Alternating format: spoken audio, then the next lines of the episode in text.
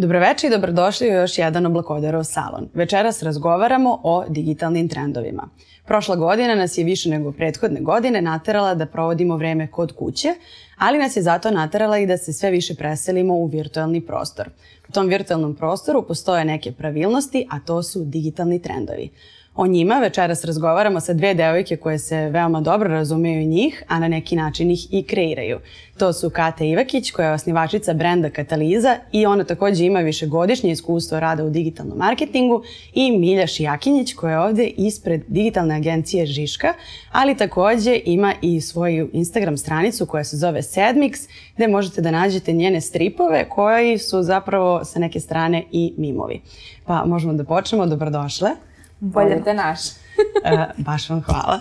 I hvala što ste naše večerašnje gos, gošće. Super je da pričamo o ovoj temi, pogotovo e, sa dve žene koje kreiraju internet sadržaj i danas sam dosta razmišljala o tome e, kakva je razlika u pozicijama žene i muškaraca u digitalnom marketingu, ali možemo da se dotaknemo i toga u nekom trenutku.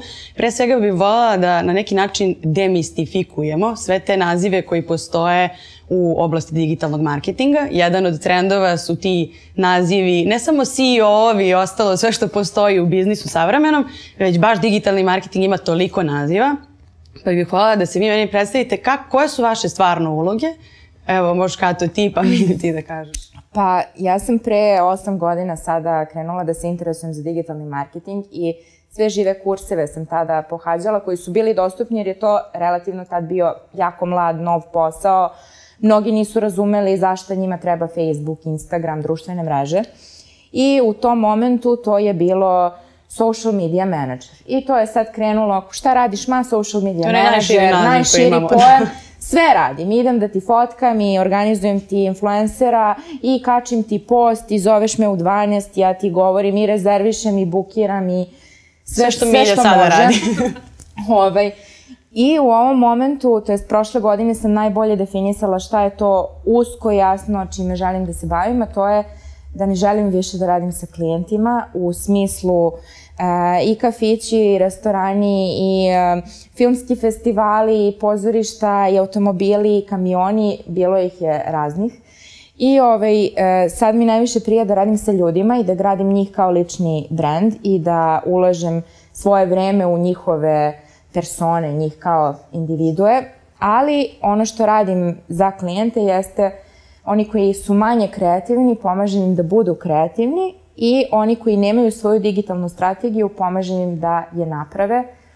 Tako da sam ja to upakovala u, um, kako se Bože zove, ovo, ovo je sad ovaj, um, upakovala sam ga u Creative Digital Strategist.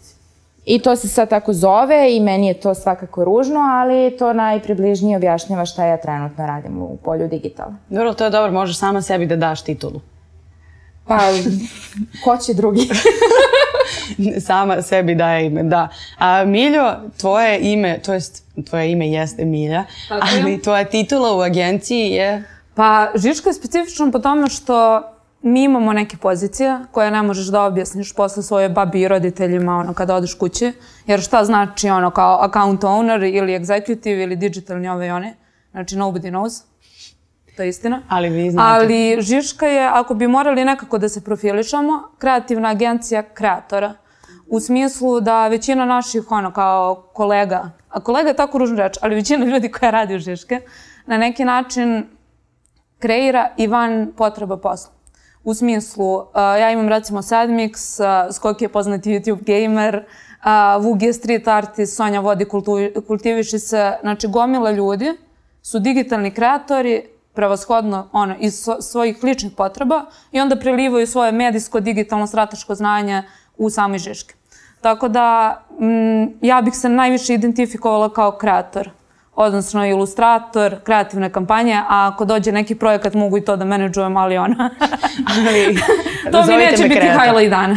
a čekaj, uh, u ti si šta? Uh, ilustrator, copywriter. Znači sve. Mimer, kako ti kažeš. Mimer i, i sve ostalo. Uh, ono što je zanimljivo jeste da vas da dolazite u stvari sa kao različitog spektra onoga što je posao u digitalnom marketingu, kato da ti više imaš ulogu influencerke, dok Miljo ti imaš više ulogu nekoga ko radi sa... Agencijaš. Tako. Agencijaš.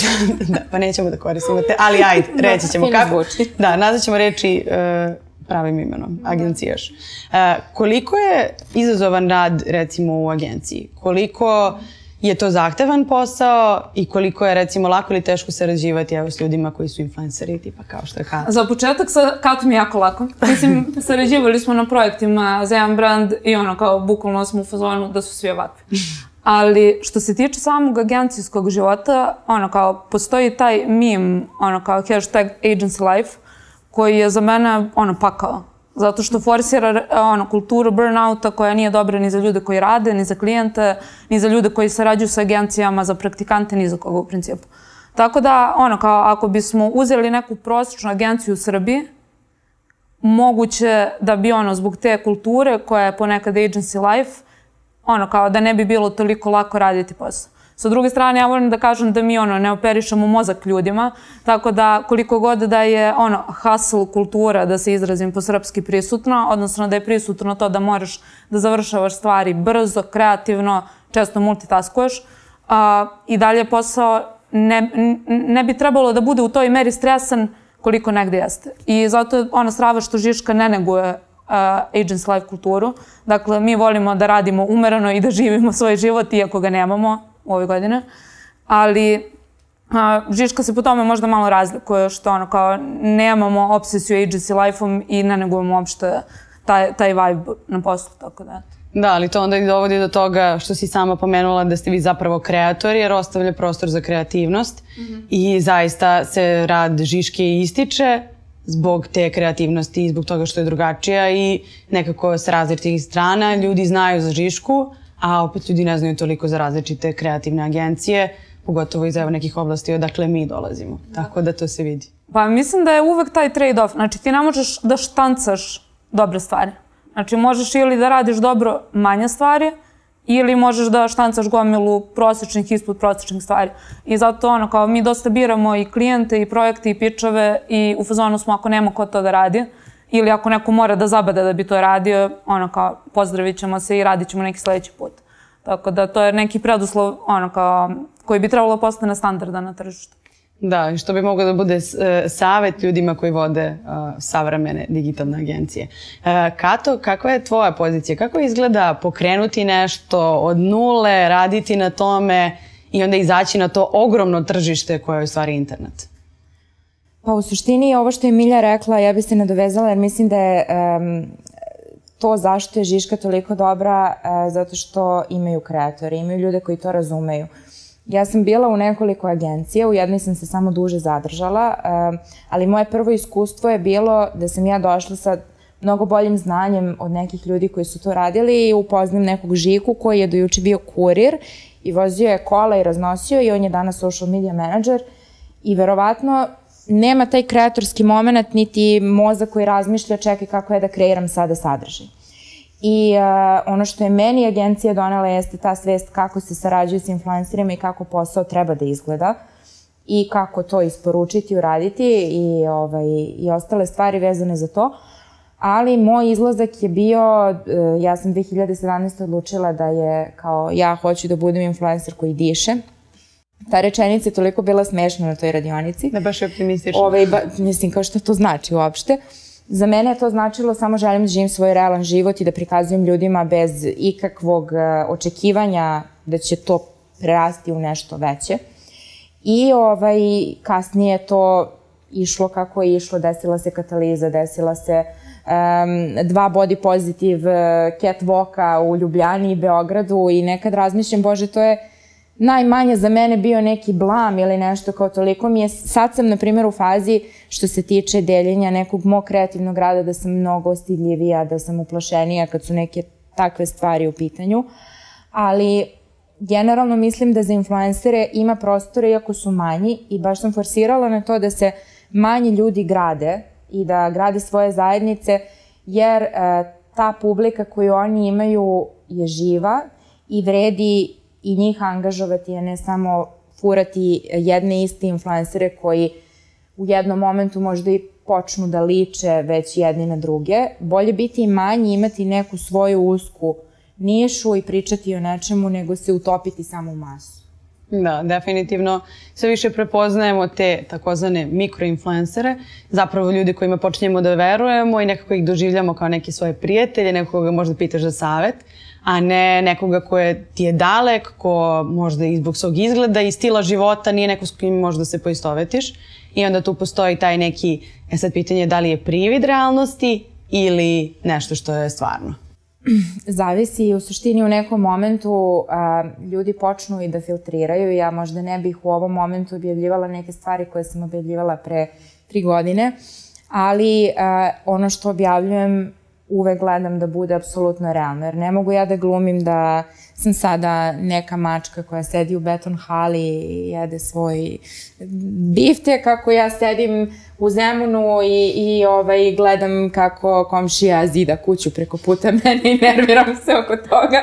Tako da ovaj, zaista mislim da je važno prikazati tu realnost. I čak i kad vidim da moja publika uh, pomisli ili je u fazonu jao Kata samo dobija pratioce, nije mi odgovorila možda na posljednju poruku, ja u tom momentu sam verovatno spavala ili nešto, ja onda uvek grunem na dve, tri nedelje realne slike, Stefan slikao, brat slikao, evo ljudi, to je zapravo ono što se zaista dešava iza kamere. Da. Čini mi se da je jedan od tih trendova ovaj, pošto ćemo pričati večeras o različitim trendovima, ali možda to nekako isplivavanje realnosti na internet, uh, Da li smo shvatili koliko nam je život preseljen na internet pa ga više ne šminkamo toliko? Ili šta se tu desilo? Zašto, ovaj, zašto volimo da vidimo realnije stvari, a ne više toliko baš upeglane stvari? Da, pa čini mi se da Instagram sada u nekoj svojoj drugoj fazi razvoja. U smislu do pre 4-5 godina Instagram je bio ono kao lepe slike. Lepe slike hrane, lepe slike nas, lepe slike putovanja. I to je bila neka upeglana estetika zbog koje su ljudi dolazili na Instagram. Znači ti odeš sa Facebooka koji je tad bio neki realan, svi smo bili tamo, odeš na Instagram, realno lepe slike. Ne možeš da gledaš YouTube linkove koje ljudi šarju. Kao Pinterest u stvari. Da. Sad je to Pinterest. Da. Međutim, mislim, Pinterest je doživao neku renesansu. Ono kao opet postaje relevantan. A, međutim, kako je pre, dosta ljudi došlo na Instagram, kako su pojavili story koji su mnogo manje filtriran kanal, Dakle, nastaće za 24 sata, ne moraš da peglaš svoju fotku. Možeš da se izblamiraš. Možeš da izblamiraš. A, ljudi su prosto, ono, počeli da doživljavaju mrežu manje aspirativno, a više identifikacijono. U smislu, ja pratim Katu i volim njen kontent, zato, baš zbog toga što znam da Kata povremeno sedi i gleda svog komšiju koji gradi ono kao svoju kuću u Zemunu. I to je nešto sa čime ja mogu da se povežem. I to nije samo stvar, uh, mislim, svaki pametan influencer danas to radi. Međutim, to sada rade ono kao poznate ličnosti. Ako pogledaš profil Jamila Jamil, ona recimo ima upeglane fotke gde na nekoj gala večeri, mislim, bilo nekad sad se pripovede, a onda ima kombinaciju fotke gde sedi u pidžami i živi kao i svi ostali. Dakle, prosto je to, to je baš trend koji je i pozitivan i na neki način sveobuhvatan sada na Instagramu ljudi ne žele više plastične stvari. Tako da ako neko kače samo upeglane stvari, sad je vreme stanete. Da, definitivno se to promenilo. Ja sam pre par godina pročitala neki tekst uh, koji je govorio o tome kako generacija Z, mada se to sad već odnosi na kompletnu internet publiku, ne voli više te upeglane fotografije na Instagramu sa ono belim okvirima, nego vole taj ono uh, content, da kažem, da se iskoristim tim vašim terminom, iz stvarnog sveta što je dosta zanimljivo, a i evo prošla godina nam je donala to, toliko toga da se uh, situacije koje se dešavaju u stvarnom svetu sele na internet i dosta interesantna je pojava uh, online aktivizma koja je prešla sa Twittera na Instagram i TikTok. Koliko je taj aktivizam stvaran i koliko je po vašem mišljenju delotvoran? A, imali smo nekoliko pokreta prošle godine i to se nastavlja i sada kako na TikToku, tako i na Instagramu, postoje dve struje, ako mene pitaš.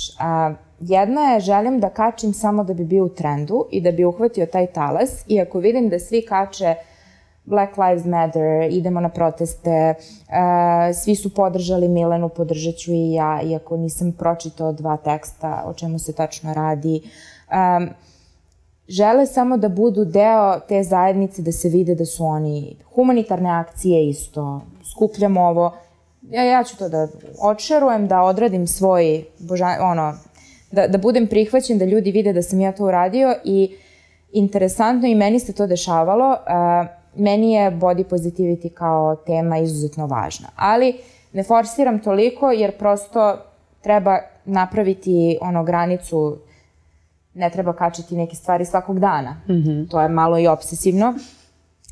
I um, kad sam dva ili tri puta baš neke teme uh, javno rekla, videla sam da je postala stvar trenda da neke influencerke uzmu veći deo priče ili odnos foto... Samo i taj jedan put su to objavile i meni je bilo jasno da je to bilo samo stvar uh, trenutnog, želim da iskoristim hype o kome sad svi pričaju. Dok zaista ima ljudi koji uh, se iskreno uključu u neki pokret i zaista im je važno da nešto izguraju do kraja, ali to je zapravo najviše ono lično u nama sa čim mi rezonujemo. Ja možda, meni je zaista uvek žao kad vidim da neka maca i kuca nemaju doma, ali to nisu baš stvari sa kojima ja rezonujem, rezonujem možda više sa ljudima koji nemaju možda krov nad glavom, nisu ni za poređenje, mislim, prosto Naravno, da. sve su to stvari, ali hajde da vidimo kog, kog influencera najviše možda neka tema interesuje. Čak sam imala ideju koju sam jednom dečku predložila da um, uspeli smo prošle godine za, za troje dece da skupimo ogromnu sumu novca i to je sjajno, svi su delili, svi su se uključili, svi uspeli smo kao porukama i donacijama. Kako bi e, Instagram život izgledao kad bi svaki influencer bio mentor jednoj osobi, bilo kojoj osobi sa te fondacije. Uzmeš jednu osobu i praviš kampanju samo za nju i da svako ima svoj zadatak da aktivira svoju zajednicu, da mo... Mislim, jedna od ideja kako bi to možda moglo da funkcioniš. Da, da, definitivno. Mina, šta ti misliš o internet aktivizmu?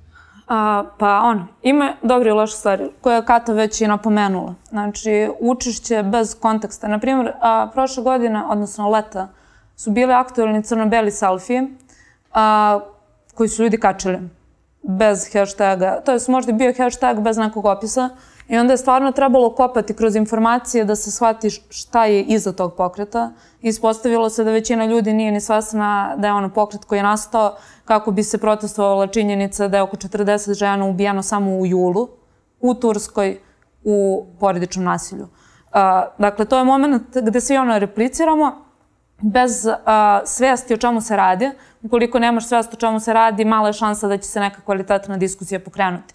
Dakle, mi ne možemo da pričamo o porodičnom nasilju u Turskoj i ovde, ako smo samo replicirali taj trend.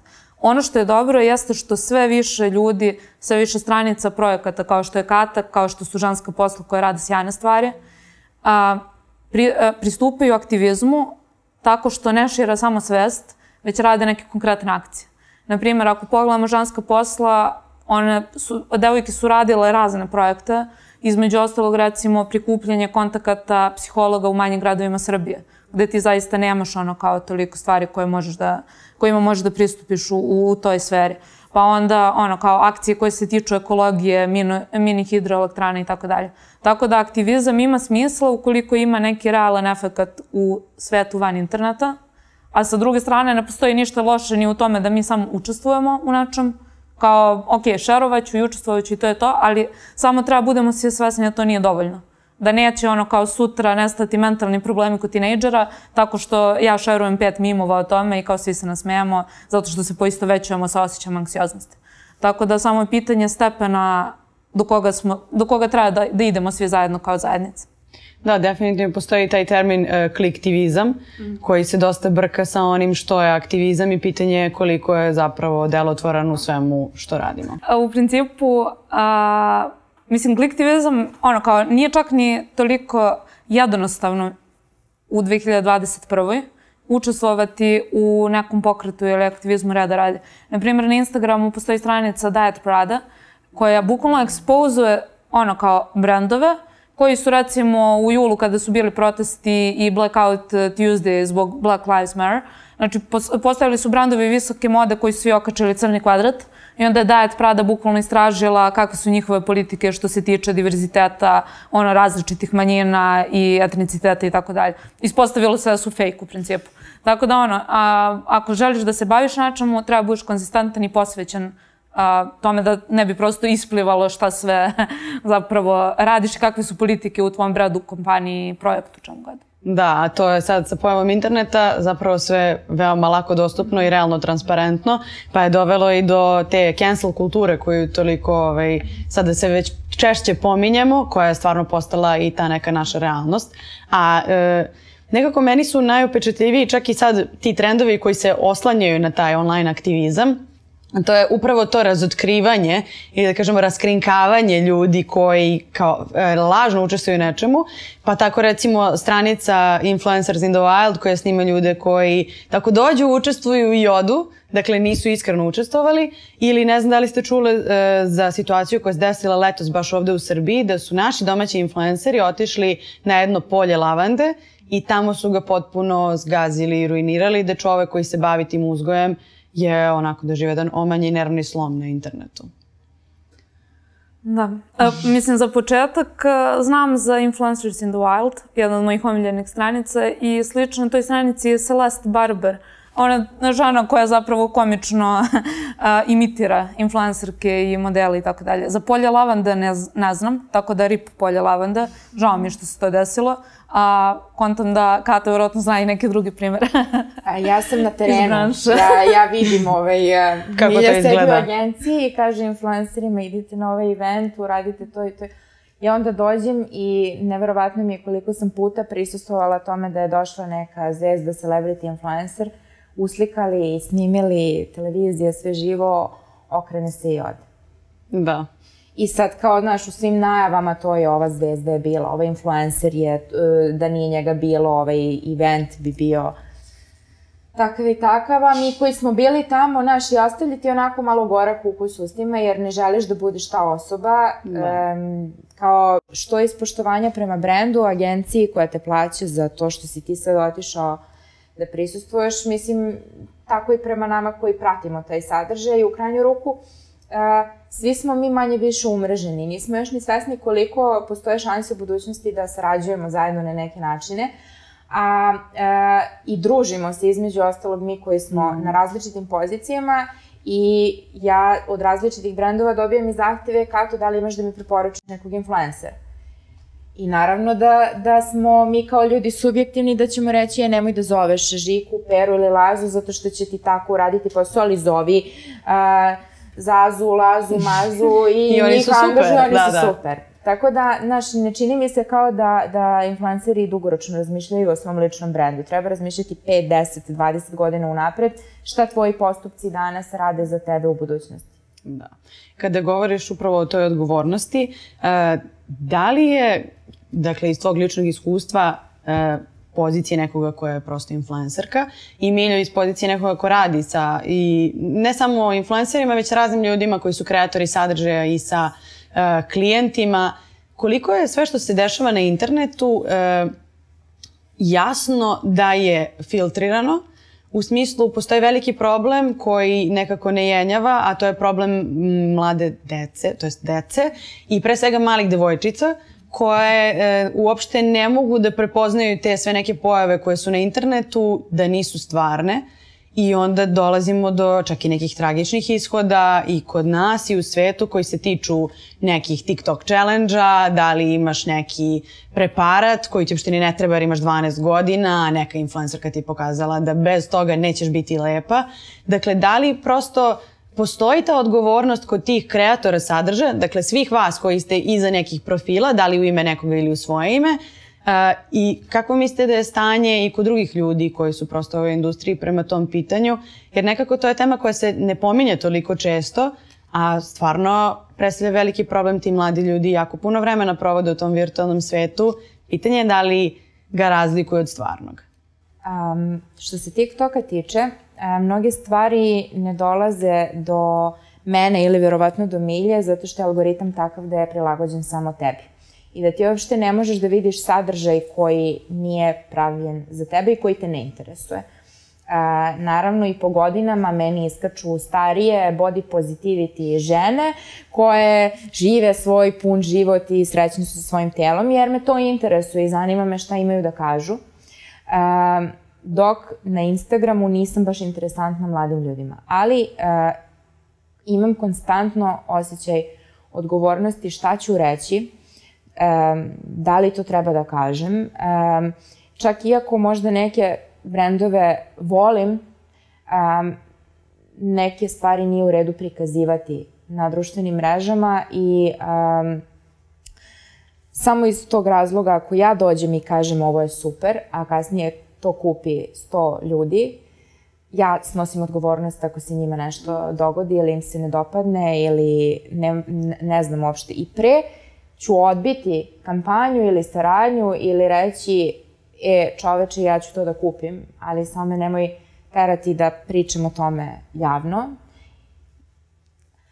Mislim da ljudi prosto ne, nemaju svest, posebno kad su mladi, šta sve mogu da naprave e, ostavljanjem različitih reči koje povređuju ili posebno što se tiče lepote. Da. da, da internet možda postoje u momentu kad sam ja imala 12 godina, mislim da bi ostavilo mnogo veće posledice na mene nego a, 30 učenika iz mog odeljenja sa kojima s nekim si dobar, s nekim nisi, ali ne dobijaš konstantno svakog dana e, gomilu nekih hate komentara koliko danas na internetu možeš da dobiješ za 10 minuta od gomilu ljudi. I mislim da, da mi uopšte ne znamo kakve posledice na tu decu kasnije kad odrastu može da ostavi internet. Da, problem negativnih komentara je isto nešto o čemu sam htela da razgovaramo, pa i evo, sad već kad si pomenula, kako recimo ti reaguješ na negativne komentare? A, postoje dve vrste hejtera. Jedni hejteri su um, sme, smešni, u smislu daju ti neki komentar kao ja, ružni su ti cipele, haljena ti je bez veze, nisi se dobro obukla. Kao šta ćeš? Kao, znaš, smešno je, u fazonu si okej. Okay.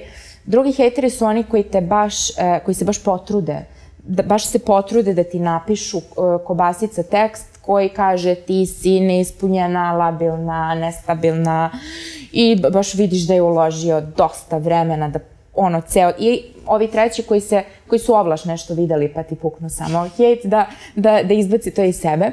Ovaj kad je onako ja volim da da radim eksperiment koji se zove e, obrlati hejtera u followera i uspeva nekad.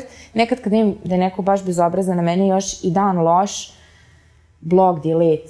Ja, znaš, kao, treba da razmišljamo da mi naše vreme koristimo da proizvodimo kvalitetan sadržaj, a ne da se bavimo hejterima i neki od naših influencera su baš, um, pa ne, ne mogu da kažem propali, ali pojeli su ih negativni komentari i još su oni davali na značaju tim ljudima i sad ne mogu normalno da objave ni jednu sliku bez da e, ne dobiju gomilu hejta na bilo šta što stvore i tu može se napravi veliki problem, zato mislim da uopšte ne treba posvetiti pažnju uh, hejtu na taj način, više se baviti aktivizmom u onom smislu, videla sam neki novinski naslov i ja ću sad da stanem da se pobunim zašto se to tako radi. Da.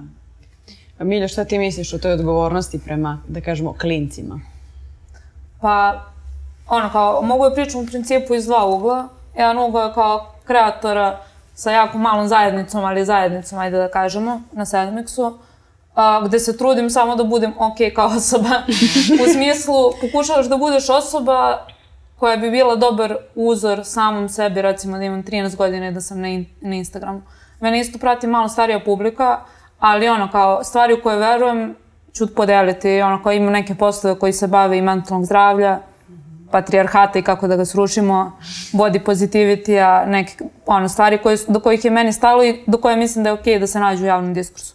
Ono što je dobro jeste što neke poznate ličnosti koriste svoj uticaj kako bi sprečile politike Instagrama koje su štetne za omladinu. Primer je opet Jamila Jamil koja je ono kao uspela da sprovede inicijativu da na Instagramu više nije moguće promovisati a, lizalice koje imaju za cilj da spreče apetit. Da. Te lizalice su postale popularne nakon što je Kim Kardashian ih promovisala. Potpuno su nezdrave i gomiletina ono kao tinejdžera ih je verovatno kupila. To više nije dozvoljeno. Tako da u momentu kada to dođe do ono najviših nivoa poznatih ličnosti koje zaista imaju utjecaj, moguće promeniti neku politiku na nivou cele mreže. I mislim da se tu krije najveća šansa da zapravo sprečiš da nešto postane štetno za omladinu i za decu. A, što se tiče sam, ono, kao negativnih komentara i svega toga, mislim da je ono, Katin metod najbolje. U smislu, ukoliko je neko zaista tu da hejtuje i da ti nanese štetu, ne postoji moment gde je diskusija produktivna. Ukoliko je neko tu sa druge strane konstruktivno diskutuje jer se ne slaže sa tobom, onda ono, postoji tvoja obaveza da, za, mislim, ne postoji obaveza, ali meni je okej okay da uđeš u takvu diskusiju. Uh, ne ono kao samo blog delete, ali ako je neko ono kao harmful, da, što da ne. Ako je pametan Čuvaš komentar, uh, poslednji put je jedna, jedna devojka koja me dugo prati rekla Kato, sad sam te otpratila, razlog je to što si postavila da to neću ni javno ni da pričam. Ja sam onda razmislila i rekla sam da žena u pravo si, nisam mislila o tome. Hvala Bogu, story je bio tu 15 minuta. Obrisala sam story, rekla sam izvinjavam se ako sam nanela bilo kakvu štetu, moja greška, nisam ni pomislila u sekundi kad sam to kačila.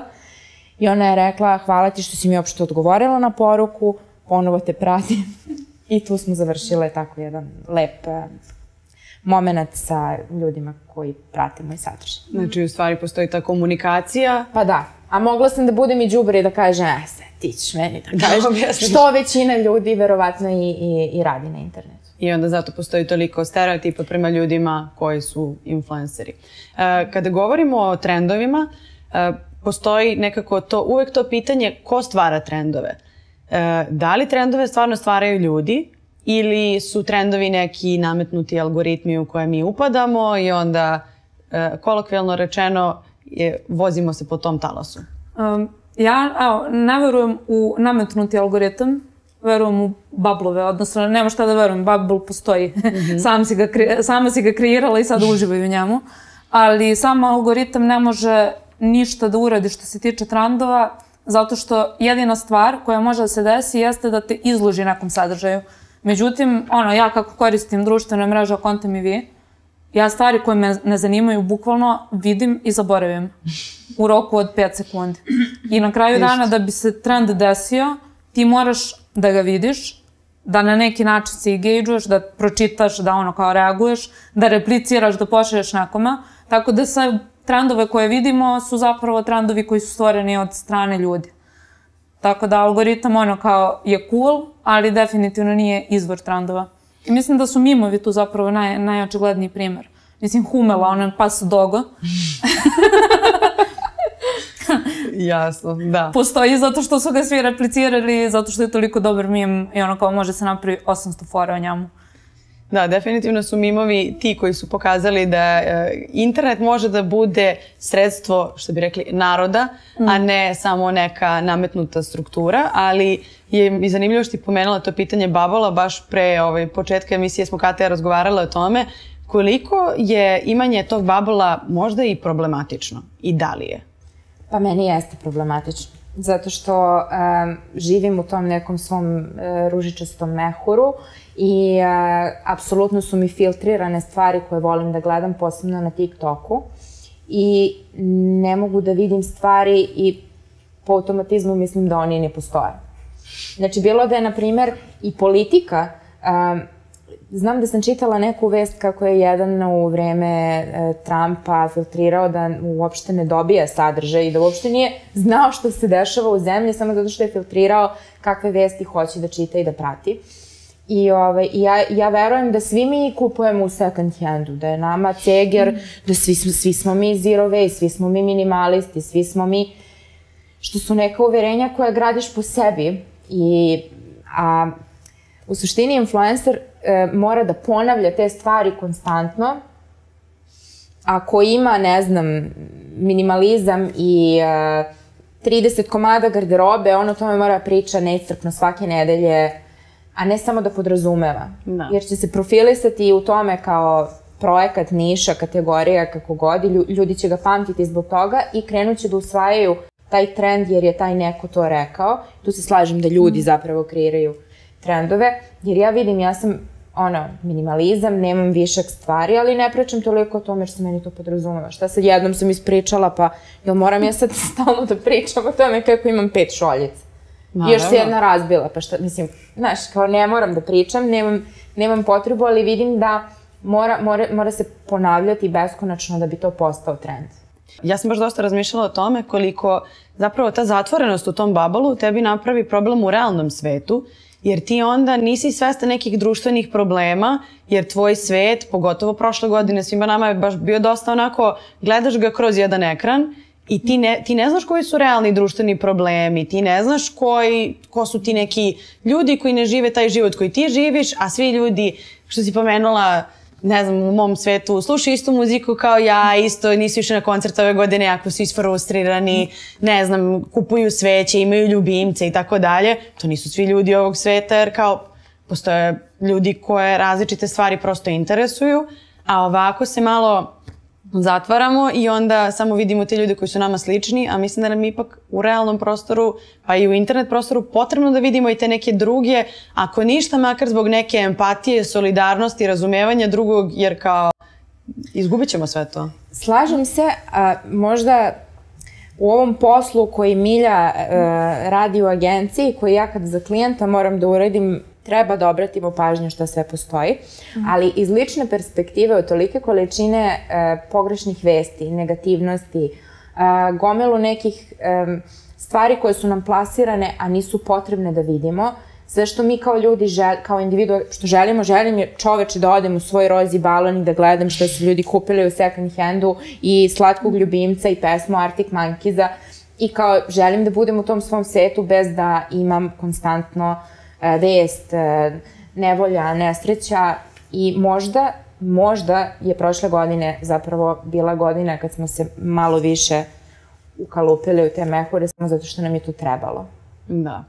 Pa postoji taj terapeutski moment, samo je poenta kao i ome što smo pričali malo pre što se tiče dece i devojčica, da ipak imamo tu ne, neku vrstu digitalne pismenosti, da ne zaboravimo da ipak je to prostor koji je kreiran, a ne prostor koji je prosto samo kao isti, kao realnost u kojoj živimo.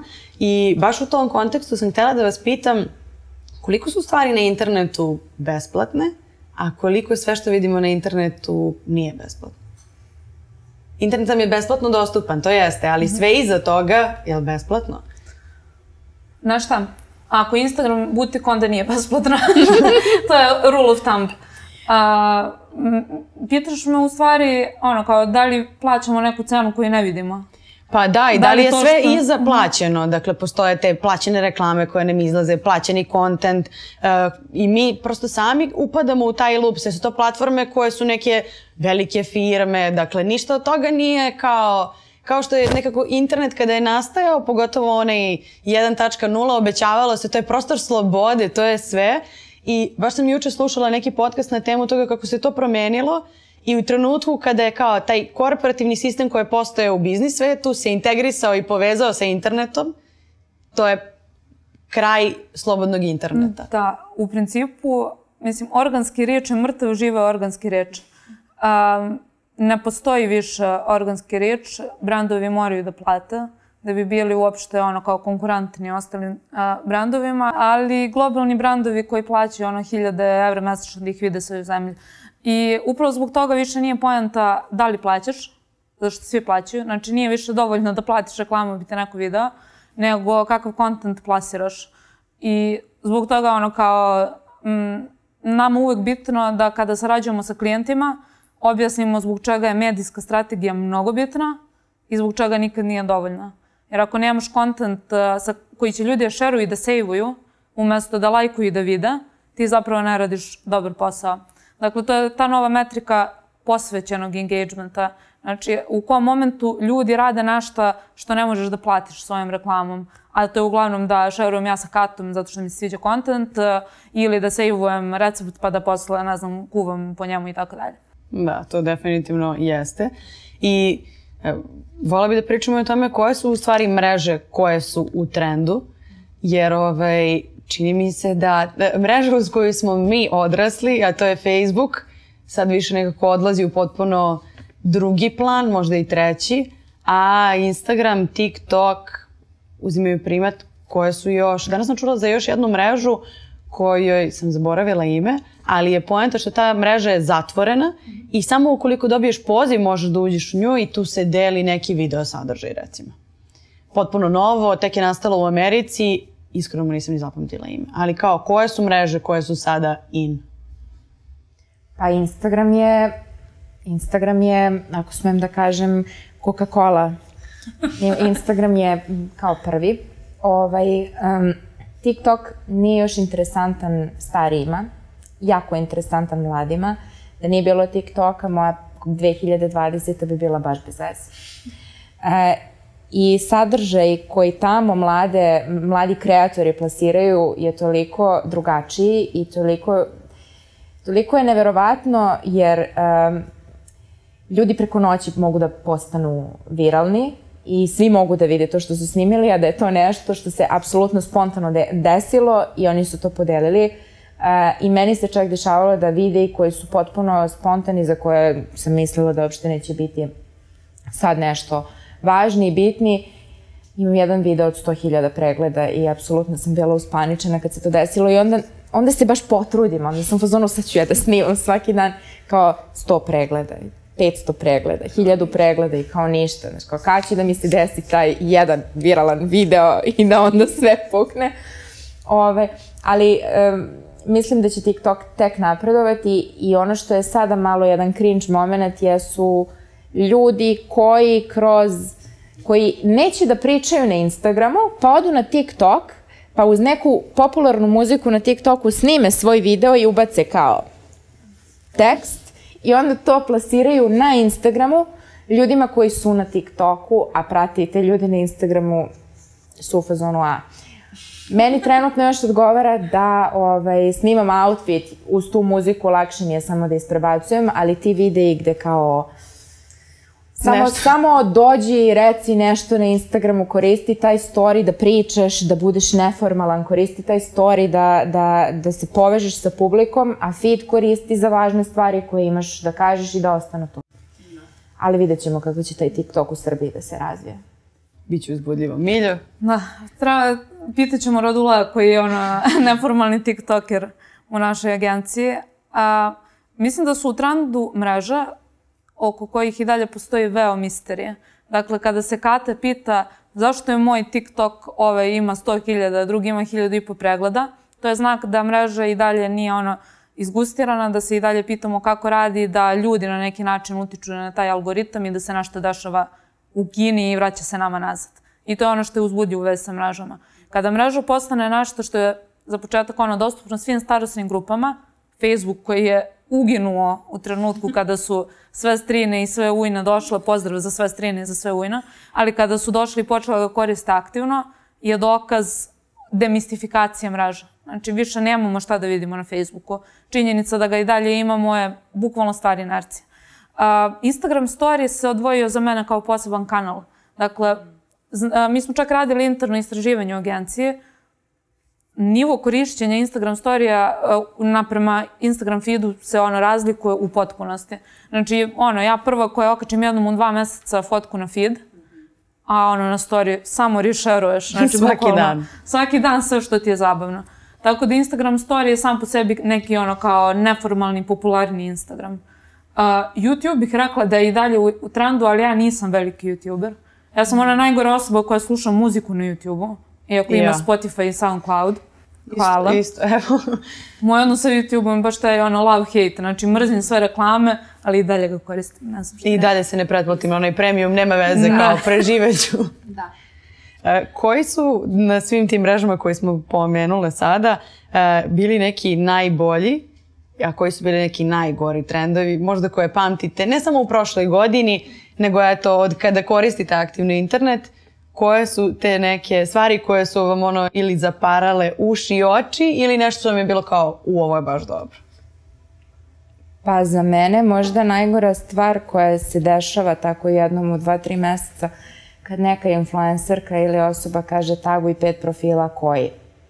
I onda krenu svi ono da taguju, da pišu na tom storiju i to svi krenu masovno i ne mogu da se setim šta je poslednje bilo, ali takve stvari mislim da samo zagađuju Instagram story i da znam rade... šta je to. Pa To- ono, šta? tipa bude story i kaže um, taguj pet profila koje pratiš e, najviše i taguj te ljude kad im stigne tag da oni urade svoje. Aha. I onda to se raširi To su na internetu. tagovi. Da, kojima ne mislim da više, ne mislim da od količine sadržaja na storiju iko zaista pročita koji su ti profili, više mislim da te osobe koje prime tag ili koje slučajno vide su u fazonu, "A što ja nisam tagovan, ili ja otagovala me sa tri osobe koje ne volim, neću ni da šerujem ovaj e, story.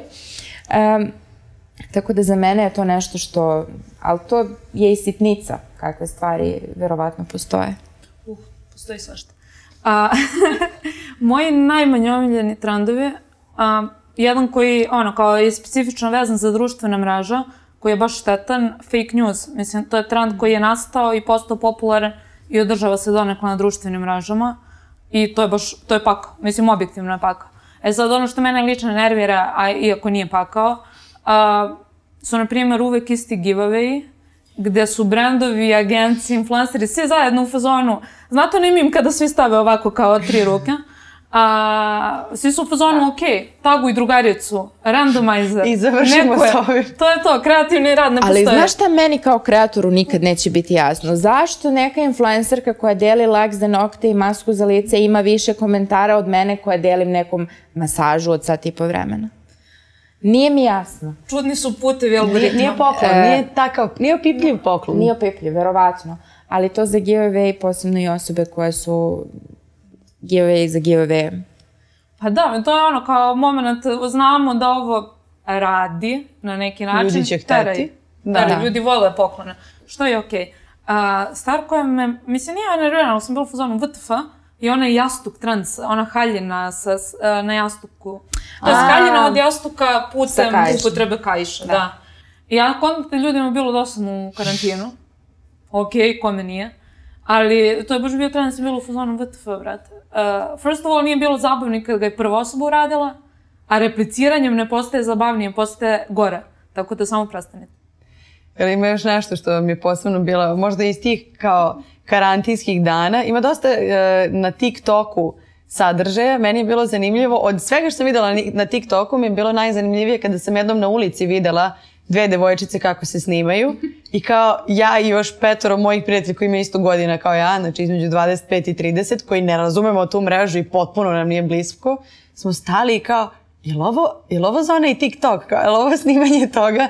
Jer nam je bilo toliko simpatično, to je toliko bilo ozbiljno uvežbano, da kao iznenađujuće koji trud stoji iza Apsolutno. toga. Ja sam na početku e, prošle godine, mart, april, maj, učestvovala u skoro svakom koji nije podrazumevao da se igra. A ove je podrazumevao. Tako da nema, n- to, to ništa, ali uh, svi ovi ostali gde nešto svo, neku svoju ličnu priču kroz trend uh, prikažeš, meni je to fan, fantastično. Da, da svi mi iz različitih branši možemo na istu muziku da napravimo video, ali da kažemo potpuno drugačiju priču i potpuno je auditivna. Traži od mene kao kreatora da razmišljam prema muzici, a ne prema priči. Tako da iza- izazovna mi je kao platforma. Milja. Ja to ne razumem. Mislim, TikTok. Uh, gotivan mi je. Zapravo uđem i pratim isto neke ljude i kada uđem, provedem tamo vreme. Ali kad izađem, onda se ne vratim po 15 dana. Zašto sam ono, ako postane zavisna još od jedna mreža, Samo mi ono to fali. kao, Znaš zašto Dosta. sam se ja navukla? Zato što je početkom karantina bio baš dobar sadržaj. I sve vreme čekaš još dopamina i scrollaš, scrollaš i onda nađeš taj jedan i u fazonu si to, to. Kao, to je ono što sam To tražila sve vreme. Onda nastaviš i onda se svakog dana vraćaš. Taj dopaminski hit je zapravo Da. mnogo bitan. Da. Nije trend, ali ono esencija društvenih mreža. Da. I esenciju toga na što se navučemo, zašto u stvari scrollujemo dok ne vidimo nešto zanimljivo. Ja to recimo radim na Pinterestu. Dodam u fazonu, još samo pet slika, ako ne vidim u tih pet slika nešto je super, prestaću. I onda kao, vidim uvek i budem u fazonu, ok, ostaću na tome. Ali, e, jel postoji nešto što vam je najkorisnije, što je bilo možda neki trend ili nešto što ste videli, videle na internetu, što vam je stvarno u životu bilo nešto što je od koristi? Na Instagramu nikad. na Instagramu nikad nisam našla kao koristan sadržaj u 60 ili 15 sekundi. Zato je meni TikTok naj, najbolja trenutna platforma, jer mi je neko u 15 sekundi objasnio kurs koji sam videla negde za XY para, rekla je uđi u ovaj program, pejstuj ovu sliku, izbriši ovo i imaš sliku. Ja sam u fazonu, svaka priča može da se ispriča u 15 sekundi i niko ne može da mi poljulja sada to uverenje, jer sam na TikToku naučila i za Instagram storije, i za pričanje priče, i kako kamere da postavim ako se snimam, e, i koje su tri knjige koje obavezno do kraja života moram da pročitam i stvarno su bile dobre. Tako da verujem više TikToku. Dobro, Milja? A, pa ja verujem Instagram. Šalim se. A, na Instagramu mental health, znači to je trend o kome nismo pričali koji je baš na Instagramu sada bitan mm -hmm. i koji mislim da je ono i generacijski bitan i jako mi je drago što, što je ono kao deo moga babla. Pratim dosta psihologa, pratim dosta psihoterapeuta, ono, holistic psychiatrist, na primjer, je stranica koja na internetu svaki dan deli sadržaj koji je uglavnom tekstualni, znači našto piše i ima dole tekst, koji je jako edukativan. Znači, to su stvari koje sam ja posle svojom, ono, na psihoterapiji sa terapeutom, koncepti koje ja znam zato što sam na Instagramu provela neko vreme pratići. A, druga stvar, aktivizam. Mislim, stvari za koje me zanimaju, ono, kao su mi Instagram dobar source, da kažem. Znači, body positivity, body neutrality, a, sve druge vrste aktivizma koje su mi ono kao zanimljive u nekom trenutku. Ako zapratiš pet ili deset kreatora koji se bave time ili hashtag, ono, kao u principu dobiješ izvor informacija koji je dosta koristan. Tako da... Meni je to na Instagramu da se inspirišem i motivišem, ali za učenje TikTok. TikTok. A, koje su najpozitivnije, koje su najnegativnije strane internet trendova?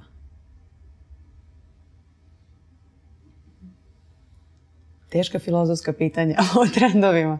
Zavisi kojih trendova. Mislim da je najpozitivnije to što ono kao, ako nešto postane masovno, ne, može, ne možeš više da ga ignorišeš.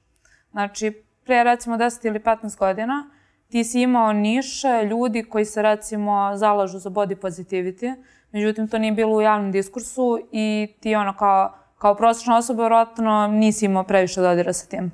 Ako nešto postane ono masovno popularno, šansa je da ćeš biti izložen tim idejama i onda šta radiš sa tim idejama je zapravo tvoja odgovornost. Znači koliko ćeš početi nešto da proučavaš ili se baviš nečim i tako dalje. E, najnegativnija stvar je ono što te nekako e, čini mi se da ukoliko postane samo stvar ličnog brenda, da umanjuje šansu da se time baviš u realnom svetu. I to je ono što sam pričala na početku. Ako imaš osjećaj da si već podelio našta, kolika je šansa da ćeš izaći na ulicu i uraditi nešto kada nije dovoljno samo podeliti. Tako je. Tako da, ali ono što je dobra stvar jeste ono, logistika i organizacija. Ako se dešava protest, veća je šansa da ćeš videti u roku od 3 sekunde na Instagramu, pa saznati zašto, pa otići na ulicu, nego ako čekaš da ti izvesti ono kao neki javni servis koji o tome ne priča uopšte. Tako da logistički je zapravo jako bitan internet. Slažem se u suštini, najveća prednost je što može da nas ujedini, makar i putem interneta. A najveća neprednost to što e, može da nas odvoji od realnosti. I što ne treba da živimo nerealan život i što treba da naučimo da znamo šta je plasirano, šta nije plasirano i, i kakve granice da postavimo prema internetu. I ono što je meni lično, kao Kati, važno, da me ne pojede internet u smislu da, da ne trošim baš toliko vremena koliko trošim, jer postoje i druge vrednosti i stvari van, van ekrana telefona. Stvarno? kao gde? Gde? Evo sada baš kao naviku pokušavam da, da ostavim telefon u dnevnoj sobi, da se puni, a ne da se uspavljujem telefonom i mislim da je, da, da je trend uspavljivanja uz telefon tako se lepo e, tu u našem životu pridružio da nismo ni, ni svesni da se to dogodilo. Da, to definitivno. Čitala sam danas neko istraživanje o tome kako mladi koriste društvene mreže i pitanje je bilo koliko vas e, pred spavanje, koliko vremena provede. Najveći procenat mladih je rekao sat vremena. Da pre nego što legam da spava u krevetu da provedu. Ali evo mi dolazimo i do kraja ovog našeg razgovora i za kraj nekako uvek volimo da damo ne neki baš savet, ali da ostavimo ljude sa nekom porukom. A u tom svetlu bi moje pitanje za vas bilo o čemu je najvažnije da mladi razmišljaju kada koriste internet? Da, da li to što si ti malo pre rekla da internet nije realnost ili šta je nešto sa čime treba da ih ostavimo da znaju kada koriste društvene mreže? Da apsolutno biraju ljude koje prate, ako su influenceri u pitanju, da apsolutno paze kakvim medijima daju um, poverenje i da sami filtriraju sadržaj kakav žele da prate, jer kad mi toliko vremena provodimo na internetu, hajde da ga učinimo da nam bude lepo mesto, a da opet budemo uključeni u, u, u tu neku realnost. Da. Pa ovo što je Kata rekla, plus a, osvešćivanje svojih internet navika, u smislu da internet vrlo je lako koristiti ga na potpuno nesvestan način, a na način koji po tebi ima posledice. Znači, kada ti se uspavljuješ sa telefonom, ti zaspiš i nisi svestan, ali za ono kao šest meseci pojavi se neki pattern zbog koga si možda više nervozan pre nego što zaspiš ili ono, efektuira se na neki način koji ne možeš mm -hmm. da predvidiš. Tako za, za početak osvešćivanje i kontrola ono kao svog ponašanja na internetu i druga stvar, granica. Znači, čini mi se da granice, mm. konsent su na internetu jednako bitne koliko i u realnom svetu. Dakle, da znaš šta su tvoje prava, iz koje konverzacije, kada želiš da izađeš, da ti ne bude ono kao neprijatno ukoliko osetiš da neko ugrožava tvoj prostor i da želiš da zaštitiš svoj prostor. I to je ono što kao mladi, a i ono stariji mi ovde ponekad nismo, nismo ono kao dovoljno dobri u tome, ali prosto to ostvarivanje i štićenje svojih granica je nešto što je konstantan rad i što je dobra stvar, dovodi do dobrih stvari. Da, definitivno su ovo sve neke stvari o kojima moramo, stvarno moramo ipak i više da razmišljamo. Miljo, Kato, hvala vam što ste bila naše hvala gošće. Hvala tebi. I stvarno sam uživala u ovom razgovoru mm. i ovoj zapravo veoma, veoma ozbiljnoj temi. I ovo je bio još jedan oblakodarov salon. Vi nas slušajte ponovo. U sledećoj emisiji razgovaramo o poziciji mladih na tržištu rada. Wow, wow.